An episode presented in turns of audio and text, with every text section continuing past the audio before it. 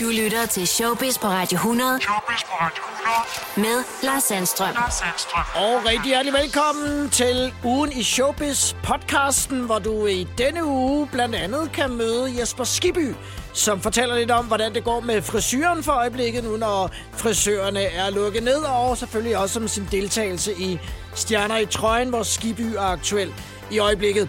Og så har I historien om den tørlagte Lucas Graham, der jo altså var på afvending i efteråret, men nu investerer i alkohol. Hør, hvad der er op og ned i den historie i denne podcast, hvor du også kan høre, hvad det var, Harry Styles sagde, da han blev bibet ud da han modtog den amerikanske Grammy for Watermelon Sugar. Det og mange andre gode historier i denne uge Showbiz podcast. Velkommen. Showbiz på Radio 100 med Lars Sandstrøm. Og med mig på linjen nu har jeg cykelsportens spredbasse og aktuel i øh, Stjerner i trøjen på Kanal 5 og Discovery Plus. Jesper Skiby. Hej Jesper. Hej. Hvordan går det? Jamen, det går rigtig godt, synes jeg. Okay, hvordan, det- øh, hvordan ser din frisyr ud for tiden? Min frisyr... altså, vi, går, vi, vi går alle sammen rundt og ligner noget, der er løgn, jo. Ja, lidt. De kan godt tage, de kan godt tage at åbne de der frisørsalonger for satan. ja, det vil være meget Altså, rart. man har jo fandme, hvad hedder det... Øh, man har sådan en skihop i nakken, og det hele, det er jo helt, det er jo helt fantastisk. Man ligner sådan en, en tjekkisk ishockeyspiller. Jesper, jeg har jo fanget dig øh, på øh, arbejdet op hos øh, HC Container. Producerer vi meget Det har du. Producerer vi meget affald i øjeblikket? Ja, det gør vi faktisk. Øh, hvad hedder det? Det går faktisk rigtig godt. Man kan sige, byggepladser og sådan noget, de holder jo ikke lukket, heldigvis. Og øh, hvad hedder det? Folk, de producerer stadigvæk affald. Vi har, vi har rigeligt at sige til, se til, lad mig sige det på den måde. Så du må gerne møde op og, og, og være der fysisk på arbejde. Jeg skal være der, altså man kan sige, jeg, jeg skal jo have et 8 jeg, jeg skal have sådan et sted at komme hen, du ved. Lars, for fanden altså. Hvordan får du øh, brændt noget sådan energi af, altså når du ikke lige er på jobbet? Så prøv at løbe med hunden. Eller hunden løber med mig, lad mig sige det på den måde. Den, kører, den, kører, den løber bare og kigger på mig, som om, at jeg er sindssyg, ikke? Jeg fandt ud af, at der var råd på Bornholm, hvor dårlig form jeg var. Jeg er du sindssyg. Hvordan havde du det med at prøve sådan at være i, i militæret i, i Stjerner i trøjen-programmet? Altså, det er den fedeste oplevelse, jeg nogensinde har... Altså, det, det er det fedeste tv-program, jeg nogensinde har været med i, for at være helt ærlig. Det er at møde nogle fantastiske mennesker, og søde mennesker. Der er, der er ikke noget, jeg kan overhovedet ikke sige noget dårligt om det. Man taler om det der med at, at være den rette støbning, når man skal være i, øh, i forsvaret. Føler du, at, at du er den rette støbning? Øhm, altså, jeg kæmpede ikke. Altså, lad mig sige, jeg, jeg, tror sgu faktisk, at hvis jeg har været øh, 20 år yngre, eller 25 år yngre, så havde jeg nok været den rette støbning. Men altså, jeg var, jeg, jeg var presset hele tiden max. Altså virkelig, ikke? Altså også både psykisk og, og selvfølgelig også øh, fysisk, ikke? Og det var det, der er så fedt ved det program, det er jo ikke, det var ikke bare sådan en walk in the park, vel? Og der fik jeg jo også, det var det, at jeg fik et helt andet syn på de andre også, ikke? Altså, hvad kan man sige? Fordi jeg havde jo et, et syn på det der reality, før jeg tog det over, tænkte jeg, ah, men altså, jeg er jo sportsmand for fanden, men for helvede, hvor er de seje alle sammen, mand. Jeg talte med øh, din øh, rekrutkammerat Torben Chris tidligere. Han sagde, at det strategisk måske ikke var den bedste løsning med en øh, nattevagt, hvor I skulle øh, være helt stille, og så sætte dig og øh, Bro og øh, Torben Chris sammen. Hvordan synes du, det gik? Det synes, det, jeg synes, det gik rigtig, rigtig... Jeg synes, det faktisk gik meget godt, øh, bortset fra, at vi talte, hvad hedder det, billygter. Vi skulle jo ligesom se, se hvem, øh, finde ud af, hvem fjenden var, der løb rundt derude, ikke? Og det var jo... Øh, det var jo... Så begyndte vi også... Så kommer nogle biler kørende ud på en vej, åbenbart. Så dem talte vi også med. Det var sådan lidt dumt. Og så pludselig, men det var skide hyggeligt. Altså, det var det virkelig. Men Torben sagde, I havde lidt svært ved at være stille, som I skulle. Ja, vi kunne ikke holde vores kæft. Og plus, at, så tænkte jeg, "Ved du hvad, vi ser sgu da også bedre, hvis vi kravler ud på marken. så kom de, ved du hvad, er det, hvis det nu var fjenden, så I nok blev skudt, så ud på en mark og kiggede. De fleste af dem, der har prøvet at være inde i øh, forsvaret, savner også den tid. Øh, er der noget, du savner fra, fra dine uger i militæret? Med hensyn til stjerner, altså jeg, jeg, jeg savner dem alle sammen. For at være helt ærlig, det, man bliver jo sådan en familie, man bliver rystet sammen. Det der med, at man får taget sine mobiltelefoner, og det hele, det er ligesom, øh, du, det, det hele, det, du, du ligesom, man bliver bare ligesom en familie, ikke? Og hvor man kæmper for hinanden og sådan nogle ting, ikke? Og ser nogle sider af hinanden, som tænker, hold nu kæft, hvor er det sejt, ikke? Der er jo ikke så meget pis. Nu er du så tilbage i, hvad man kan kalde en form for almindelig hverdag. Hvad, hvad savner du så mest i det hele taget lige i øjeblikket? Jeg, jamen, jeg kan lige godt være ærlig og sige, at jeg savner sådan set det hele ved det. Altså den der omgangskreds. Jeg, jeg savner menneskerne, jeg savner det der med i bund og grund også at kunne smide sin mobiltelefon af helvedes til. Det kender vi jo alle sammen til, ikke? Altså, det, det tror vi faktisk... Altså, vi vil være, have, have godt af det sådan set, Lars, for fanden, og så sige, prøv at høre, nu gider jeg ikke at snakke telefon hele dagen, ikke? Men i stedet for at gå og kigge på den hele tiden, ikke? Altså, jeg savner det der fællesskab. Jeg, altså, jeg savner jo den der... Det, det gør der helt sikkert, den der den der følelse af, vi skal igennem det her sammen. Kan du følge mig en lille smule? Ja. Og vi, og vi skal nå det mål, ikke? Altså, det var, det var så fedt. I kom igennem over på kasernen øh, på Bornholm i Stjerner i trøjen i samlet flok, og vi skal også igennem øh, coronasituationen her i, i samlet flok og, øh, og skulder ved skulder. Så øh, tak for snakken, og jeg håber, at, øh, at du holder humøret op. Det gør jeg i hvert fald. Showbiz på Radio 100 med Lars Sandstrøm. I efteråret holdt uh, Lukas Forkammer, Lukas Graham, stoffer og uh, alkohol ud i uh, strakt arm på uh, behandlingscentret Tjæle nær ved uh, Viborg og forklarede dengang, at det var stukket en lille smule af, sagde han til et uh, interview i uh, politikken.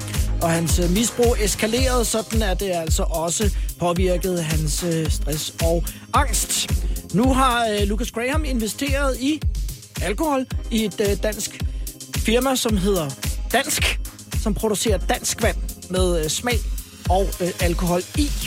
I en presmeddelelse siger Lukas Forkammer, at danskerne har brug for et renere alternativ til en forfriskning med alkohol, med mindre sukker og øh, færre kalorier.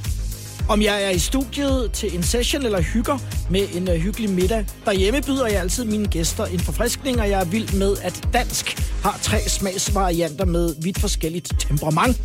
Nu er det jo ikke meget, jeg selv drikker, men jeg har smagt på varerne, og min egen favorit er klart den orange dåse med hyben og timian smag, siger Lucas Graham altså i øh, pressemeddelelsen, der er sendt ud i interviewet med politikken dengang i forbindelse med øh, afvindingsbehandlingen fortalte Lukas Forkammer, som han jo hedder rigtigt, dog også, at han ville komme til at drikke moderat igen. Og det kunne så være hans eget produkt, som han altså nu har investeret i, som hedder Dansk.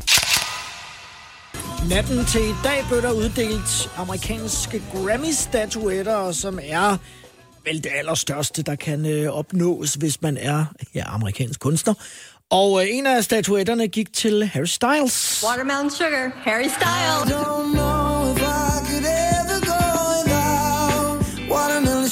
Wow. Um, to everyone who made this record with me, thank you so much. This was the first song we wrote after the my first album came out during a day off in Nashville. I feel gr- very grateful to be here. Thank you. Whoops! Thank you so much. Uh, I feel very honored to be among all of you, so thank you so much. Ja, hvad var det, der blev pipet ud der? Ja, det er der altså en uh, ret simpel forklaring på. For uh, Harry Styles, som jo er uh, britisk og er vant til uh, også at bande, selvom der også er strenge regler for det, når han er hjemme i uh, Storbritannien, havde altså lige glemt uh, tidspunktet, uh, fordi at han uh, bruger ordet fuck. Og det må han altså først gøre efter klokken 22, hvor børnene er gået i seng, og her var klokken altså kun 9 amerikansk tid, og det er altså så derfor, at det er bippet ud, da han øh, modtog prisen for Best Pop Solo Performance, eller bedste solo single, kan man vel også oversætte det til. Alle disse sange er fucking store, så tusind tak. Men det fik vi altså ikke lov at høre, hvis vi var i USA. Men er man i øh, andre lande, som blandt andet Tyskland eller Australien, øh, hvor man kører med et andet regelsæt, jamen der var man så øh, ikke nødvendigvis øh, nødt til at bibe det ud, så der, der, der var det med i fuld længde. Og øh, Harry Styles roser jo sine kompetenter her i øh, den her pulje, som blandt andre var øh, Justin Bieber, Billie Eilish, Dua Lipa og Taylor Swift, som han altså vandt over med Watermelon Sugar. Tillykke! Nede her i weekenden skrev Cecilie Hårgaard Nissen, som jo er øh, Christoffers kone, på sin Insta, Sillemaus, navnet på øh, den lille pige, som jo kom til verden her for nylig. Og hun skal hedde Noel. N-O-E-L-L-E. Noel Nissen Havgård. Og så er der en lille sjov detalje gemt i navnet, for Noel stammer af det franske ord Noel, som betyder jul. Og de hedder Nissen til efternavn. Så faktisk, så kan hun jo faktisk hedde næsten julenissen. Og tro mig, fordi øh, Christoffers lillebror, Oliver Nissen, har været en del af min øh, datters øh, slæng ude øh, på Amager til den tid. Og det er noget, han har hørt før et par gange. Særligt når vi nærmer os øh, november og december måned. Så det er alligevel lidt skægt, at man vælger at øh, gå den vej. Og de har haft travlt, øh, Christoffer og øh, Sillemaus, øh, fordi øh, den lille pige har jo ikke været her i verden så lang tid, men har allerede en del øh, kælenavne, som blandt andre Lillebrut, Bumler, Noe, Nolse, Basse, Minimaus, Sustelle og Lykkepillen. Men Christoffer er heller ikke ude at spille, så han har også tid nok til at sidde og finde på hyggelige kendenavn. De er jo selvfølgelig super stolte, forældrene, som jo altså blev øh, forældre første gang til julenissen. Du lytter til Showbiz på Radio 100 med Lars Sandstrøm. Der er lidt mindre love imellem Jes Dorf og øh, Athena, som er et øh, bureau, som øh, beskæftiger sig med øh, foredrag og havde også lagt en øh, større foredragsturné med Jes Dorf op. Et foredrag, som øh, handler om hele MeToo bevægelsen. Men nu er turnéen altså pillet af, og øh, Jes Dorf siger til det over for BT, at foredraget er pillet af, fordi Athenas reagerer på det, bureauet selv kalder for en shitstorm med meget hårde beskyldninger, og altså ikke som en konsekvens af foredragets indhold. Kun af frygt for reaktionerne efter øh, den shitstorm, som er ramt jeg står på det seneste. Jeg tager til efterretning, at Athenas dermed bøjer sig for en shitstorm, men jeg mener også, at det er endnu et eksempel på en ekstremt farlig tendens i et land med ytringsfrihed. At der på den måde udøves censur for, hvad vi må tale om og ikke tale om. Samt hvem der har ret til at sige noget. Shitstorm kræver jo i bund og grund, at jeg ikke må holde et foredrag, og dermed altså ikke må deltage i debatten, siger Jes Dorf. Men jeg er ikke enig i, at man skal bøje sig for den slags folkedomstole, så derfor har jeg aftalt med Athenas, at vores samarbejde gennem mange år ophører øjeblikkeligt, udtaler Jes Dorf altså til BT. Hvor reaktionerne på Harry og Meghan interviewet stadig kører for fuld kraft, og nu er det øh, Megans halvsøster Samantha Markle, som øh, melder sig på banen. Hun mener nemlig, at øh, Megans udmeldinger og vilde beskyldninger mod det britiske kongehus bunder i, at hertuginden spiller et offer for at få sympati, som halvsøsteren udtaler i medierne. I interviewet, som vi jo efterhånden kender øh, godt og grundigt, forklarer Meghan, hvordan hun mistede kontakten til sin far, fordi presset fra kongehuset var så stort. Og det er netop den udtalelse, der har fået halvsøsteren op i det røde felt. Samantha Markle udtaler, at øh, hun ikke mistede sin far, hun frøs ham ude, lød det for et par dage siden, da Samantha Markle gæstede et australsk radioprogram. Og her holdt Samantha sig heller ikke tilbage, da hun kaldte Meghan for en narcissist, og udtalte, at Meghan Markle har brug for hjælp. Og som med flere af de andre historier omkring Harry og Meghan interviewet, så kan jeg også runde af her med at sige, at det er nok ikke det sidste, vi hører til den historie. Showbiz på Radio 100 med Lars Sandstrøm. Tilbage i december måned 19 måtte Anders Brandhold pludselig rydde kalenderen og trække stikket efter, at han følte sig overanstrengt. Og det var blot en måned før, at Breinholt skulle have stået på scenen sammen med Sofie Linde i det, de kaldte en slags forestilling. Breinholt blev svimmel, det han prøvet før. Og den her gang var det anderledes, fortæller han i et nyt interview med TV2. Den ubehagelige følelse i kroppen gik simpelthen ikke væk, og i stedet for følte Breinholt, at hans krop lukkede ned. Resten af den dag er en øh, tåge for ham, og han har svært ved at huske, hvad der egentlig skete. Breinholt så så ingen anden mulighed, end at rydde kalenderen og aflyse alle planer, og det galt altså også det store show, som skulle have været afviklet på Avenue T. Det var ikke nemt, men det var nødvendigt at kende Breinholt, og jeg har stadig vildt dårlig samvittighed. Det gik jo ud over andre folk, og det var svært at måtte efterlade sådan en rodebutik. Men jeg blev simpelthen nødt til at smide håndklædet i ringen og passe på mig selv for alles skyld. Og så var det jo altså, at Rasmus Bjerg sprang til og øh, redde showet, der så kom til at hedde Linde på bjerget. Nu er Breinhold heldigvis for længst tilbage i god form. Til en øh, fyring af de lidt mere øh, spektakulære, det drejer sig om øh, den svenske verdensstjerne Sarah Larsons nu tidligere kreative direktør, han hedder Ryder Rips. Og denne pinagtige episode springer ud af, at Ryder Rips ophæver forlovelsen med sin øh, forlovede, Acelia Banks, som er rapper. I den forbindelse deler Acelia Banks nogle øh, private beskeder som screenshots mellem hende og hendes øh, tidligere forlovede, Aftenbladet, der skriver det. Og i beskederne, der kritiserer Ryder Rips, som jo altså er Sarah Larsons direktør, kritiserer Sarah Larsons krop, mens han udskammer hende for at forsøge at være lækker, når hun i stedet burde se sig selv som en fed kælling. Og Sarah Larsons, altså den tidligere kreative direktør, har også sendt et billede til sin nu daværende forlovende Celia Banks, var han har zoomet ind på Sarah Larsons arme, som han hensyder til ser tykke ud ved at kalde sangerinden for Sarah Armson, i stedet for Sarah Larson. Og det har Sarah Larson naturligvis kommenteret på de sociale medier, hvor hun skriver, jeg ser folk kommentere min vægt på daglig basis, men dig, Ryder Rips, virkelig, skriver hun blandt andet. Og fortsætter det er som om, at han ikke er bekendt med, at det er mig, der betaler hans regninger. Og i et andet opslag skriver hun, efter hjælp til at finde en ny kreativ direktør. Ud med den klaphat. Showbiz på Radio 100 med Lars Sandstrøm. Det er en øh, kamp, der er op ad bakke for at forsøge at få os alle sammen til at benytte os af en god tone, når vi øh, skriver på de sociale medier. Fordi der er desværre rigtig mange eksempler på, hvor man går fuldstændig over stregen, måske i frustration og raseri, eller, eller bare kedsomhed eller uvidenhed.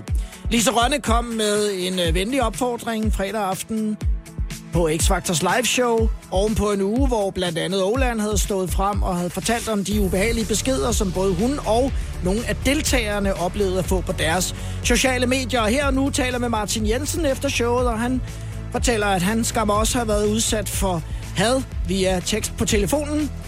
Det er jo sygt, at så mange seere X-Factor har været så hårde mod alt og alle, og det er heller ingen hemmelighed, at jeg i pausen tjekkede min telefon, og der fik jeg en besked, hvor der stod, at jeg var den største nar, der havde eksisteret i X-Factor, og jeg skulle dø, fortæller Martin Jensen. Ifølge X-Factor-dommeren er det ikke de unge menneskers opdragelse, den er gal med for aldersgruppen, hvor de mange negative kommentarer kommer fra, tilhører det middelalderne publikum. Der er ingen mennesker i deres fulde fornuft, der vil lave underholdning, hvis man skal svines til hver eneste gang, man dukker op på tv, siger Martin Jensen. Jeg forstår det bare ikke. Hvorfor er der brug for det? Hvorfor skal man svine en til, som man ikke kender, og som bare prøver at skabe god underholdning på fjernsyn? Spørger Martin Jensen åbent. Og endnu en gang en opfordring til at holde den gode tone. Det er fint, at man kommer med sine holdninger, men man skal også huske, at det er altså andre mennesker, man kommunikerer med. Så vis lidt respekt. Showbiz. Showbiz med Lars Sandstrøm. Radio 100. Ikke så lidt, vi har hørt til uh, Elvira Pitsner her i uh, 2021, og det er jo ikke mindst de bataljer, der har været omkring hendes øh, Dubai-besøg i starten af året, som har præget meget af billedet, men en af de gode historier var jo selvfølgelig også, at Elvira havde fundet kærligheden i en øh, 31-årig iraner. Han hedder Milat Sadati. Det er så kommet frem nu, at øh, Mila teknisk set er gift med en anden. Han har allerede en kone. Hun hedder Hala Sadati. Og øh, hun forklarer, at hun de sidste 11 år har altså har været gift med Milada. Hun har en søn øh, på 9 år sammen med ham. Han er min mand og øh, far til min søn. Vi er stadig gift. Men han vil ikke lade sig skille, understreger Halara Sadati over for reality-portalen herhjemme øh, i Danmark. Hverken øh, Elvira eller Milad er vendt tilbage til reality-portalen med de henvendelser, som de er kommet med, men på Instagram, der adresserer Elvira nu selv situationen. Her forklarer hun, at hun nu ved, hvad der er op og ned, hvilket ifølge hende er, at øh, Milad og Halar blev skilt for år tilbage, og at øh, Halar nu forsøger bare at skabe noget drama. Officielt er Milad og Halar altså stadigvæk gift. Halar fremviser også en hvielsesattest og ægtepakten, som står i hendes fødselsattest og altså dokumenteret, at parret øh, stadigvæk er gift. Og nu er der så endnu lidt forvirring omkring Elvira Pitsners liv, og det er nok ikke det sidste, vi hører til den historie. Showbiz. Showbiz med Lars Sandstrøm. Radio 100. Tiger Woods kom øh, galt afsted i en øh, voldsom bilulykke, hvor han altså måtte øh, skæres fri af sin SUV, som ifølge det lokale politi heldigvis var så godt skruet sammen rent sikkerhedsmæssigt, at det reddede Tiger Woods i liv. Også det faktum, at han altså selvfølgelig havde sikkerhedssele på. Efterfølgende er det kommet frem, at Tiger Woods var faldet i søvn bag rettet, og det simpelthen var det, der var grunden til ulykken.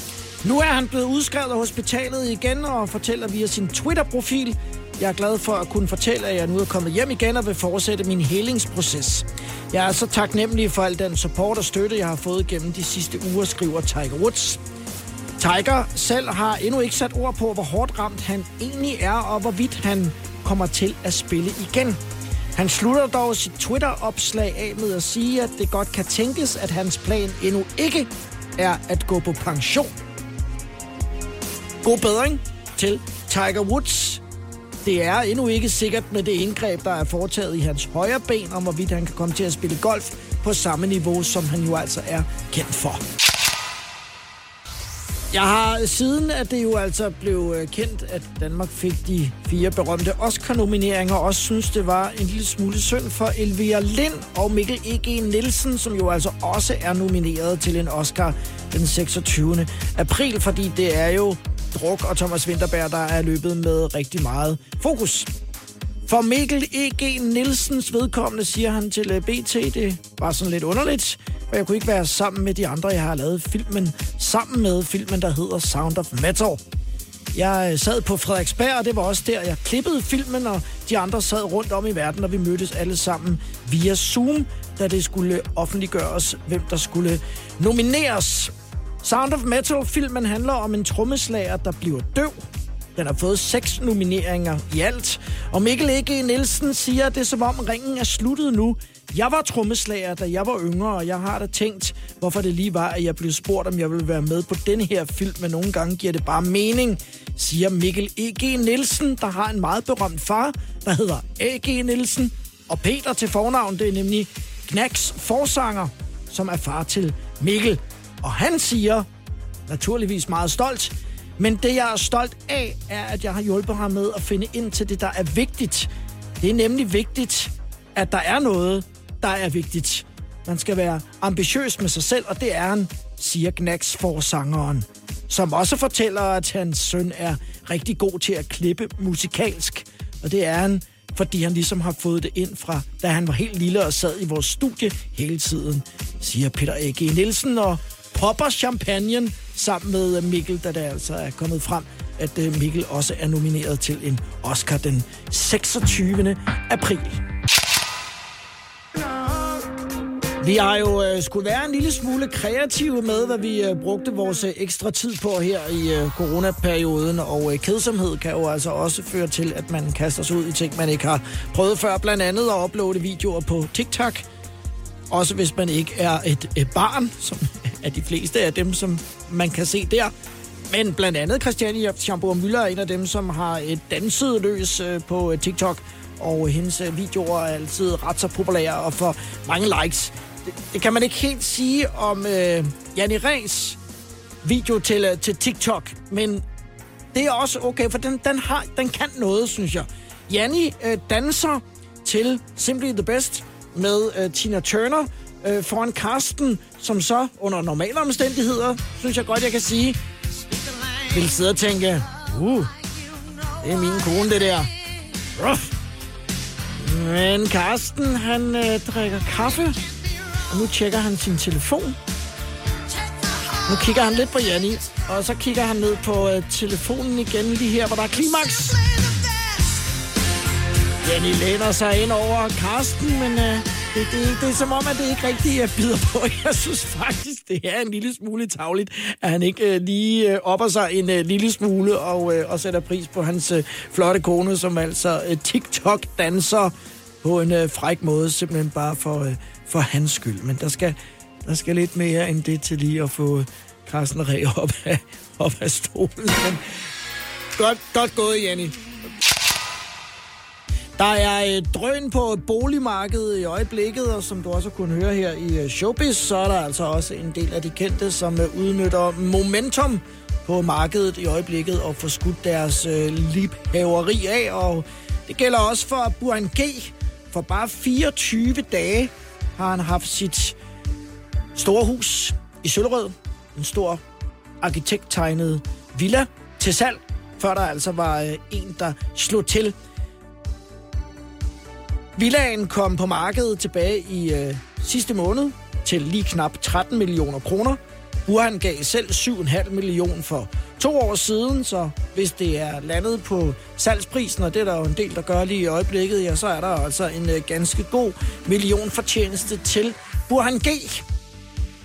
Det vides ikke præcis, hvor han så flytter hen, men det kunne måske være tilbage til byen, hvor han kom fra, eller måske noget af vejen derind for at komme en lille smule tættere på centrum, selvom Søllerød er et rigtig dejligt sted at bo.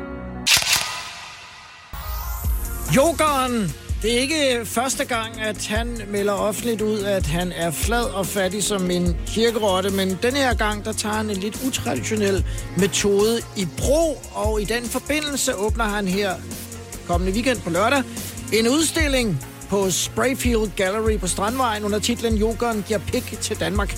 Og der er øh, en mening med galskaben. Det hele kommer sig af, at øh, Jesper Jokeren Dahl tager et øh, billede af sin diller og laver en tegning ud af det og sælger det til, selvfølgelig, Christian Hornslet. Hornslet synes, det var hyldende sjovt, og så opfordrer han mig til, at jeg malede 100 billeder, og Jokeren maler nemlig også. Forklarer han til øh, Se og Hør som baggrunden bag det her lidt specielle tiltag. Så Jokeren går i gang med øh, produktionen, og det er altså nu muligt fra lørdag at øh, købe et billede af Jokerens penis, og Jokeren bekræfter, at samtlige malerier forestiller altså hans eget kønsorgan. Han fortæller i forbindelse med øh, dette tiltag for overlevelse, at han ikke føler sig slået ud på grund af de besværlige kompensationsordninger efter corona. Når en dør lukker i hovedet på en, åbner tre andre, og jeg er gået ind af denne her dør, fortæller Jokeren, som øh, forklarer, at det nu er øh, den samme diller, som er øh, afbildet i forskellige øh, billedformer, men at han altså også sælger andre billeder i forbindelse med udstillingen Jokeren giver pik til Danmark åbner på lørdag. Yeah. Prins Harry nævner under interviewet med Oprah Winfrey, at parret, altså Harry og Meghan, har været nødsaget til at gå ud og lave kommercielle aftaler med blandt andre Netflix og Spotify, simpelthen for at betale for den beskyttelse, som de altså ikke længere får i og med, at de har meldt sig ud af kongehuset, men jo altså stadig er i en potentiel risiko for eksempelvis stalker eller det, der er værre. Både i forhold til deres egen sikkerhed og selvfølgelig også deres søn Archie og det barn, som er på vej. Og den var allerede gal over julen, hvor politiet har måttet rykke ud to gange til Harry og øh, Megats hjem på grund af en uh, ubuden gæst, som altså over to omgange trængte ind i parrets hjem lige omkring den 24. december. Politiet fik fat i ham, lod ham gå med en advarsel første gang, og efter to dage var den altså så gal igen. Og denne gang blev han altså anholdt og sigtet for den ulovlige indtrængning.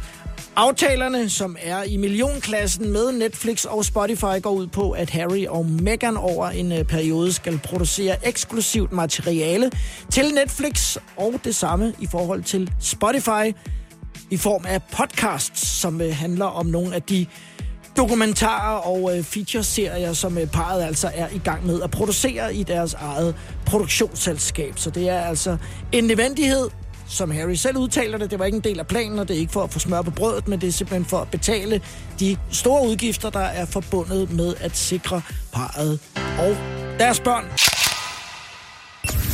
Showbiz på Radio 100 med Lars Sandstrøm. Her den øh, 23. Marts har YouTube premiere på en øh, dokumentar om øh, Demi Lovato, sangerinden tidligere Disney-stjerne.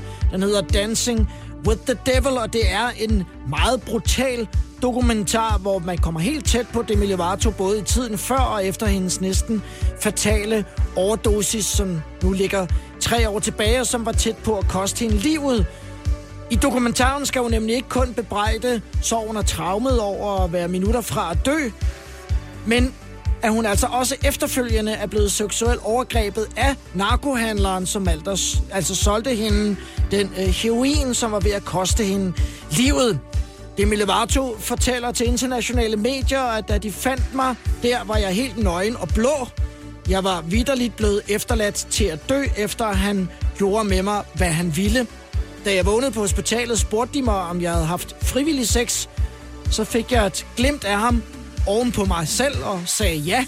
Det var først en måned efter, at det gik op for mig, at jeg altså ikke var i stand til at kunne give et samtykke i det pågældende tidspunkt, lyder det altså rørende fra Demi Lovato. Det er knap tre år siden, at overfaldet skete, og du kan se den første del af dokumentaren på YouTube fra den 23. marts. Dokumentaren er i fire dele. Hey, what's going on, det siger Elton John også. Han råber det faktisk. I forbindelse med, at øh, Vatikanet tidligere på ugen slog fast, at man ikke vil acceptere ægteskaber mellem to mennesker af samme køn.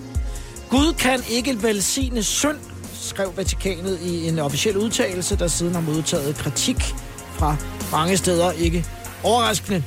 Elton John skriver via sin Twitter, Hvordan kan Vatikanet afvise at velsigne homoseksuelle ægteskaber, fordi de er en synd, mens de med glæde vil skabe profit på at investere millioner i min film Rocketman? En film, der fejrer, at jeg finder glæden i form af mit ægteskab med David, David Furnish, Elton Johns mand. Hashtag hyggeleri, skriver Elton John på Twitter, har vedhæftet et screenshot af en artikel fra 19, der beskriver, hvordan Vatikanet har brugt en række af de mange millioner, man råder over til altså at finansiere, medfinansiere Elton Johns Rocketman-film. BBC har forsøgt at skabe klarhed over, hvorvidt Vatikanet virkelig investerede et millionbeløb i filmen. Vatikanet har aldrig bekræftet eller afvist rygterne, der har kørt længe. Et italiensk medie mener at vide, at Vatikanet har brugt små 30 millioner kroner på henholdsvis Rocketman og men in Black-filmen. De 30 millioner skulle altså være fordelt over de to film, hvor de cirka 8 af dem er gået til Rocketman. Det vides ikke, øh, hvorvidt paven har kendt til investeringen. Og her er det så mig, der siger, ej heller om han har set Men in Black eller Rocketman. Men det Elton John jo altså går ud og anfægter her, det er, at man vil ikke acceptere ægteskaber mellem to mennesker, men man vil gerne investere penge og tjene penge på at være medfinan, øh, med, der hedder det, medinvestor på en film, som altså hylder præcist det, som de altså går ud og siger, at man ikke vil acceptere. At det rigtigt, så kan man sige, at Vatikanet står med en rimelig skidt sag. Når man laver radio og tv live, så sker det jo altså nogle gange, at øh, det går galt, og publikum elsker det som regel, hvis det er over i den øh, uskyldige øh, afdeling. Og det må man sige, at det er her. Nu skal du høre en amerikansk talkshow, hvad den hedder Wendy Williams, og hun er i fuld gang med sit talkshow. Det kører live, og så sker der simpelthen det, at der opstår et form for overtryk i, kroppen på Wendy Williams, så hun først slår en bøvs, jeg vil måske nærmere kalde det en ræb, og en prut lige bagefter og det øh, lille studiepublikum, der er til stede på grund af covid-restriktionerne, øh, morer sig kongeligt, og så er der jo ikke andet at gøre, når man øh, er live på, og det er jo en menneskelig ting at bare, at bare undskylde. It's a matter of time. She's not lonely. I apologize. I apologize. Og det, det står bare aldrig med at være sjovt. One more time for Wendy Williams. It's a matter of time. She's not lonely. I apologize. I apologize. Der er kun en, der gør i den situation, det er undskyld.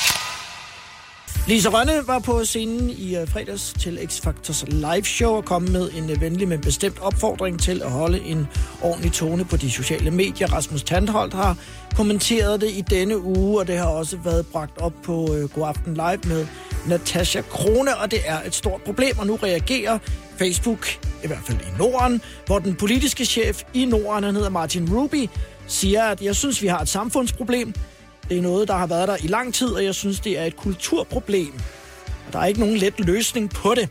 Han mener, at ansvaret for at løse problemet med digital mobning og den hårde tone ligger på mange skuldre, lige fra forældre til skoler og til teknologivirksomheder som eksempelvis Facebook.